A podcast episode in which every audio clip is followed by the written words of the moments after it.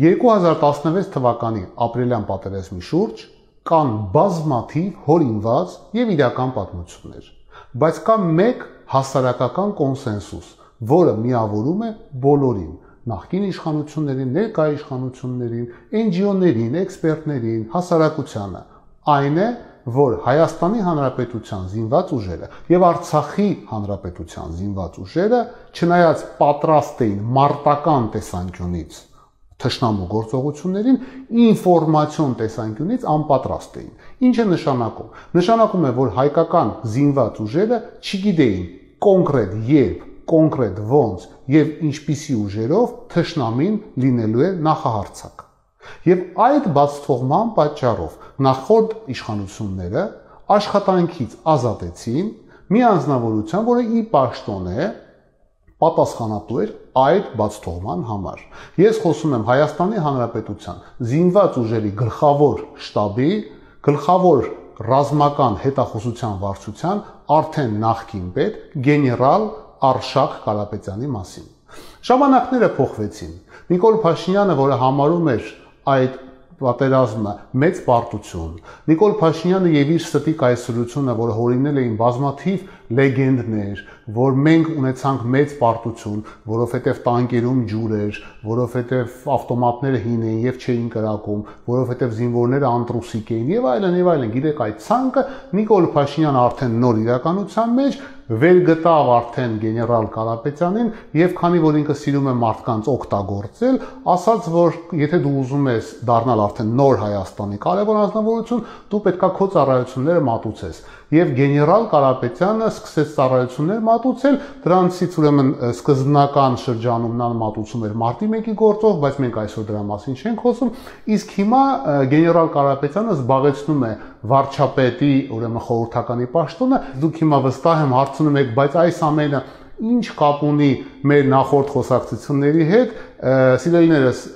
Արշակ Կարապետյանը, գեներալ Արշակ Կարապետյանը ամսի 23-ին գախնի գործուղվել է արդեն մեր կողմից,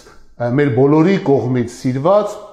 շատ հարգված, արդեն հայկական միջազգային ուրեմն հետաքրությունների կենտրոն դարձած Վորոնեժ, բարի երեկո։ Հիշեցնեմ, որ Հայաստանի Հանրապետությունում, ինչպես նաև Ռուսաստանի Դաշնությունում գործում է արտակարգ դրության ռեժիմ, եւ գեներալ Կարապետյանը չէր կարող մեկնել Հայաստանից եւ հատել Ռուսաստանի սահմանը որպես մասնավոր այց։ Ուրեմն նա գնացել է որպես պետական պաշտոնյա, իսկ կառավարության կայքում դրա մասին ոչինչ չկա։ Հետևաբար նա գնացել է վարչապետի կամ գախտի հրամանով կամ բանավոր հրամանով։ Իսկ ինչի համար է նա այդպես արել, շատ པարզ է, որովհետև Նիկոլ Փաշինյանը, որը արդեն վաղուց օգտագործում է գեներալ Կարապետյանին հատուկ եւ մութ գործերի համար, այս անգամ էլ ուղարկել է նրան Վորոնեժ, որպեսզի նա բանակցի Ռուսաստանի Դաշնության հատուկ ծառայությունների հետ որ เป զի նրանք օգնեն Նիկոլ Փաշինյանին եւ Հայաստանի Հանրապետության վարչապետի ընտանիքին վերաբերվող ամենամեծ սկանդալը կապված Մաքսանեն ծխախոտի անեն ծածկա դմփոց եւ չհարուցվի քրեական գործ բայց այդտեղ միսիան գեներալ Կարապետյանի չի ավարտվել, որովհետև Նիկոլ Փաշինյանին սպասվում է ել ավելի մեծ սկանդալ, որի մասին ինքը արդեն տեղյակ է եւ ինչի հետ կապված արել է վերջի հիստերիան ազգային ժողովի, որովհետեւ նա գիտի, որ արդեն կան փաստեր, որոնք խոսում են, որ Նիկոլ Փաշինյանը ուղիղ Ոմն Դավիթ Գալստյանի հետ միասին ներգրաված են զենքի միջազգային առևտրի մեջ։ Եվ դրա համար գեներալ Կարապետյանը Վորոնեժից մեկնում է Մոսկվա, որ เป զի այնտեղ բանակցի Ռուսաստանի Դաշնության պաշտպանության նախարարության պաշտոնյաների հետ, որ เป զի նույնպես փորձեն ծածկա դմփոց անել այն սկանդալը, որի մասին ես ձեզ հիմա պատմելու եմ, որովհետև դա ուղիղ կապ ունի Հայաստանի Հանրապետության անվտանգության հետ։ Նախ եւ առաջ ես ուզում եմ խնդրել ներողություն, որովհետև առաջին անգամ լինելու եմ ձեզ հետ ոչ բաց մինչև վերջ։ Որովհետև այս պատմության մեջ կան բաներ, որոնք կարող են վնասել մեր երկրի պաշտպանական համակարգին, մեր երկրի անվտանգությանը։ Եվ դրա համար ես լինելու եմ շատ զգուշ իմ պատմելու ընթացքում։ Բայց ես ուզում եմ ձեզ ասել, որ ես պարտավոր եմ բացել այս խայտարակ պատմությունը, որովհետև Նիկոլ Փաշինյանը իր գրպանների պատճառով արդեն բացի որ խաղում է մեր իմիջի հետ, նաև խաղում է մեր անվտանգության հետ։ Իսկ պատմությունը շատ པարզ է։ Նիկոլ Փաշինյանը ներքաշել է ծխախոտից եւ ադամանդից հետո Հայաստանը միջազգային զենքի առևտրի սև շուկա։ Վերադառնալով պատմությանը Հայաստանի Հանրապետությունը իրավունք ունի գնել զենք եւ զինամթերք Ռուսաստանից ռուսական ներքին գներով, որպեսզի ել ավելի բացր լինի Հայաստանի Հանրապետությունը եւ ռուսական բանակը կարողանում են առնել Ռուսաստանի արտադրողներից զենք եւ զինամթերքը նույն գներով։ Եվ այդ գները տարբերվում են միջազգային գներից մինչև կարող են 65%-ով։ Հետևաբար Նիկոլ Փաշինյանը հենց իմանում է, որ նախորդ իշխանությունները կարողացել էին բանակցել իր կողմից այդքան սկզբում չսիրված, իսկ հետո այդպես մոլագար ձևով սիրված Ռուսաստանի հետ այդ ուրեմն նրբությունը միանգամից իր նոր ընկերոջ ոմն Դավիթ Գալստյանի նույն ինքը պատրոն Դավիթ միջոցով մտածում են եւ իրականացնում են. Միած սխեմա, որի հիմքում հետևյալն է. Հայաստանի Հանրապետության վարչապետ Նիկոլ Փաշինյանը լիազորում է Դավիթ Գալստյանին պաշտպանության նախարարության միջոցով եւ տալիս է արտոնություն, որպեսզի նա Հայաստանի Հանրապետության անունից պատվիրի կոչենք դա 100 միավոր զենք։ Այնուհետև Հայաստանի Հանրապետությունը գնում է Դավիթ Գալստյանի օֆշորից այդ 100 տեսակից ընդունենք 60-ը եւ այդ 60-ի համար վճարում է եւ այդ 60 հատ զենքը գալիս են Հայաստան։ Թղթերով ամեն ինչ նորմալ է։ Կա մի բացառություն, որ այն 40-ը, որը սկզբնականում պատվիրել են, բայց չեն վճարել, Դավիթ Գալստյանը, որը արդեն ուներ պայմանավորվածություն երրորդ երկրների հետ, ուղիղ Ռուսաստանից ուղարկում է երրորդ երկիր, օրինակի համար արաբական էմիրություններ։ Դուք հասկանում եք ինչի մասն է խոսքը գնում։ Դուք հասկանում եք սա ինչ է։ Սա խայտարակություն չի, խայտարակությունը սիգարետները եւ ադամանդը։ Սա արդեն ստորություն է։ Որովհետեւ այդ երրորդ երկրից զենքը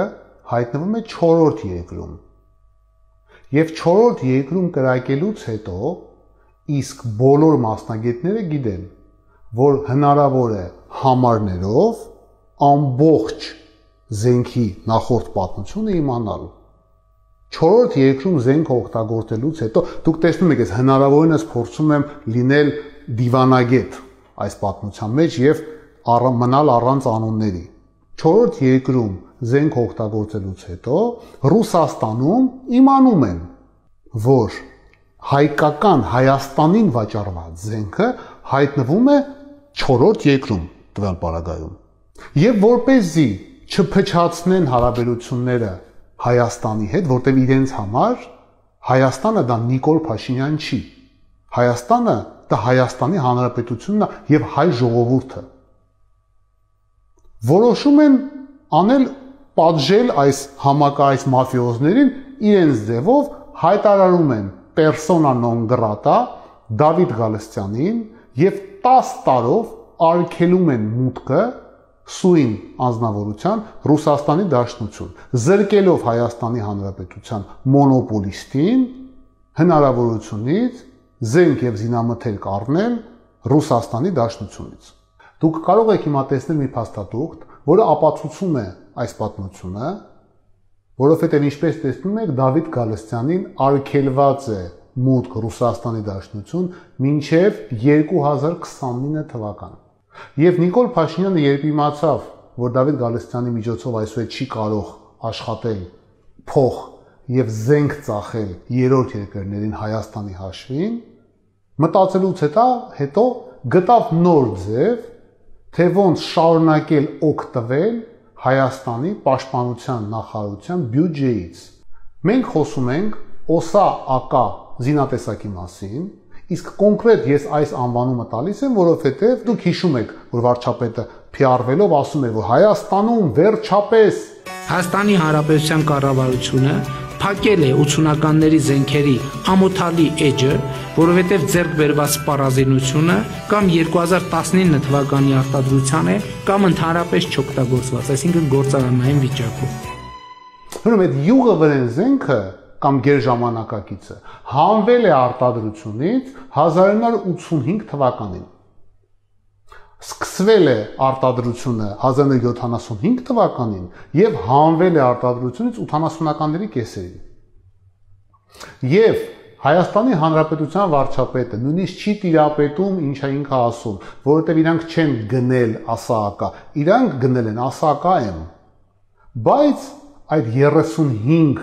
մեքենայից հանված են բոլոր բիրկաները, որոնք կարող են վկայել իրական տարիքի մասին։ Եվ ուղղակի լավ նորոգված է եւ լավ ներկված է, բայց նույնիսկ մեկը պաշտպանության նախարարությունը չի ընդունել բրակ լինելու պատճառով։ Ժողովուրդ ջան, ինչպես կարող եք տեսնել, Ջեյնսոն հեղինակավոր ամսագրում Հորդանանի թակավորությունը, որտեղից մեր հերոսները գնել են ասահականները, սպիսատանում 51 թե 52 հակաօթային պաշտպանության մեքենա եւ դնում են այն վաճառքի, բայց ոչ ոք չի առնում, որովհետեւ ինչպես խոսում են մնացած ուրեմն մասնագետները, այդ հակաօթային համակարգը բարոյապես հնացված է, որովհետեւ կրկնում եմ, արտադրված է 70-ական կամ լավագույն դեպքում 80-ականների սկզբում։ Եվ այսօրվա համակարգերը շատ-շատ շատ ավելի ժամանակակից են։ Հայաստանի Հանրապետությունը ունեցել է ասակա միշտ զինված ուժերը իրենց առաջի օրվանից ունեցել են եւ նաեւ օգտագործել են եւ ունեցել են բազում հնարավորություններ դա ունենալու անվճար եւ նույնիսկ այս իշխանությունները չգիտեն որ Հայաստանի Հանրապետության պաշտպանության նախարարությանը առաջարկվել է նույն այս հորդանանական ասահականները, բայց էքսպերտների գրավոր կարծիքի հիման վրա մերժվել է, որովհետև Հայաստանի Հանրապետությունը առաջերտին ունի այդ զենքից եւ ունի այնպիսի ժամանակակից արդեն ավելի արդիական հակաօթային համակարգեր, որ այս փուլում կարիք չկա եւ այդ գումարը կարելի է ծախսել շատ ավելի պիտանի ոլորտներում։ Բայց Նիկոլ Փաշինյանը չէր կարող այդ ճանապարհով գումար աշխատել, որովհետև ասահականները քանի որ չունեն գին, ժողովուրդ, ես իրապես ասում եմ ձեզ, այն ինչ կա, կարող եք մտնել եւ մասնագիտական կայքերում նայել։ Շատ անգամ Հունաստանը, Չեխիան, նույն Հորդանանը վաճառում են այդ զինատեսակը որպես մետաղ։ Հիմա ես կոնկրետ սրանց մասին չեմ խոսում, որտեվ կարող է աշխատունակ է, ես չեմ խոսում նրա մասին։ Բայց շատ վստահ ես կարող եմ ասել, որ դրանք չարժեն 27 միլիոն դոլար։ Անհնարին է։ Եվ օֆշորային ընկերության միջոցով անել ոչ թե կասկածելի գործարք, անել խայտարակ գործարք ուղղակի ամոթ է։ Չի սազում ոչ թե վարչապետին, այլ ընդհանրապես մարդուն։ Բայց Նիկոլ Փաշինյանը սովորական մարդ չէ։ Նա դասական սուտասան է եւ դիշովի PR-շիկ։ Որովհետեւ սկսվեց վերջնական փուլը ներկայացնելու այդ համակարգը որպես ամենաժամանակակից եւ արդիական զենք Դուք հասկանում եք, չէ՞ ստորության աստիճանը համ գումար է աշխատում, համ PR-վում է, որ ինքը մի այնպիսի հեղափոխություններ ա արել Հայաստանի, Հայաստանը զինելով, որ արդեն շատ տխուր է։ Նիկոլ Փաշինյանը ունի մի նպատակ՝ իր ընտանիքի եւ իր բարեկեցությունը, բարիս բուն եւ լայն իմաստով։ Փող իշխանություն։ Դրա համար նա պատրաստ է անել ամեն ինչ։ Դրա համար նա փորձեց պայմանավորվել մեր երկու ամենամեծ թշնամիների հետ։ Իր իշխանությունը ամրապնդելու եւ զավթելու համար վերջնականապես Հայաստանի Հանրապետությունը նա մուրած Ալիևից իր նոր կիրթ եւ կառուցողական ընկերոջից կրակի դաթար 1.5 տարով։ Եվ մենք վճարելու ենք այդ ժամանակաշրջանի համար մարդկային կյանքերով։ Ալիևը օգտագործեց դա ամրապնդելու համար պաշտպանական գիծը Դրա մասին մենք խոսելու ենք։ Նիկոլ Փաշինյանը փորձեց պայմանավորվել մեր երկրորդ մեծ ճշնամու հետ, կորոնավիրուսի հետ։ Այս կորոնավիրուսի շուրջ այնքան պոզիտիվ ենք ստեղծում, որ հիմա ուսանողները կասեն, այս կորոնա դիմորդները կասեն, այս կորոնավիրուսը լազատ տվեց։ Նիկոլ Փաշինյանը չի հարգում հայ ժողովրդին։ Նիկոլ Փաշինյանը չի հարգում կյանքը ինքը միշտ է եղել անտարբեր մարդկային ճակատագրերի նկատմամբ։ Մարտի 1-ի զոհերը իրեն համար միշտ եղել են եւ կան միմիայն քաղաքական գործիք։ Եվ նույն վիճակ այսօր է։ Նիկոլ Փաշինյանը հատուկ գախնի հրաման է տվել, որպիսի կորոնավիրուսի զոհերը մնան անանուն։ Հնարավորինս շատ, հնարավորինս ամեն ինչ արվում է, որ เป զի այդ աճպարարության արդյունքում թվերը, որոնց ես չեմ հավատում, մեկ այդ քիչ թվերը մնան անանուն 5 զոհ, 7 զոհ, 6 զոհ ոչ այդ մարդիկ ունեն անուն ազգանուն հարգեք կյանքը եւ հարգեք մահը որովհետեւ վերջի դատաստանում Նիկոլ Փաշինյանին դիմավորելու են այդ մարդիկ որոնց նույնիսկ մահը դուք չհարգեցիք։ Ճակատագրի բերումով Հայաստանի Հանրապետությունը ամենաբարդ վիճակում մի մարդու ձեռքերում է, որը ի վիճակի չէ եւ չի ուզում ոչինչ անել, բացի սեփական գրպանները լցնելուց, խափելուց եւ PR-վելուց։ Ես այսօր կայքերից մեկում հանդիպեցի մի նյութի, որը խոսում էր մի երկհանի մասին, Սարգիս Շիբոյանի մասին, որը մահացել էր օրեր առաջ կորոնավիրուսից։ Ես շնորհակալ եմ լրագրողներին, որոնք չնայած կառավարության էմբարգոյին, ինֆորմացիոն էմբարգոյի, փորձում են մահացածներին տալ դեմք, անուն ազգանուն, նկար, ճակատագիր, ընտանիքի անդամներ, խոսել մարդկային պատմությունների մասին։ Եվ չնայած Նիկոլ Փաշինյանի խղճուկ տեխնոլոգիաների, որ մահացածները սոս թիվ են, ոչ, մահացածները մարդիկ են, որոնք ունեն չավարտված գործեր կամ լավ գործեր։ Եվ այդպիսին էր երկհանը, որովհետև ես հատուկ գնացի եւ փնտրելով լսեցի մի շատ գեղեցիկ երգ, որով կուզենայի ավարտել մեր այսօրվա հանդիպումը, որովհետև երկը կյանքի մասին է։ Աստված թող հոգիներ լուսավորի բոլոր մահացածների։ Աստված պահապան Հայաստանի Հանրապետության եւ հայ ժողովրդին։ Լավ եղեք։ Կարմիր դահիճը, լքես ճահիճը, մտավ քաղաքը, մոտակա, նրա թուրք քավորը կույր թակավորը այդ դայճին կնքեց արքա իսկ այդ սուտ արքան բոլոր մարդկանց փորձես դարձնել ուսալքված սննկացած եւ ստրկացած որոնք վախից միշտ նայում են ցած բայց շատերը հավատում են որ շուտ կգա վերջը ճարի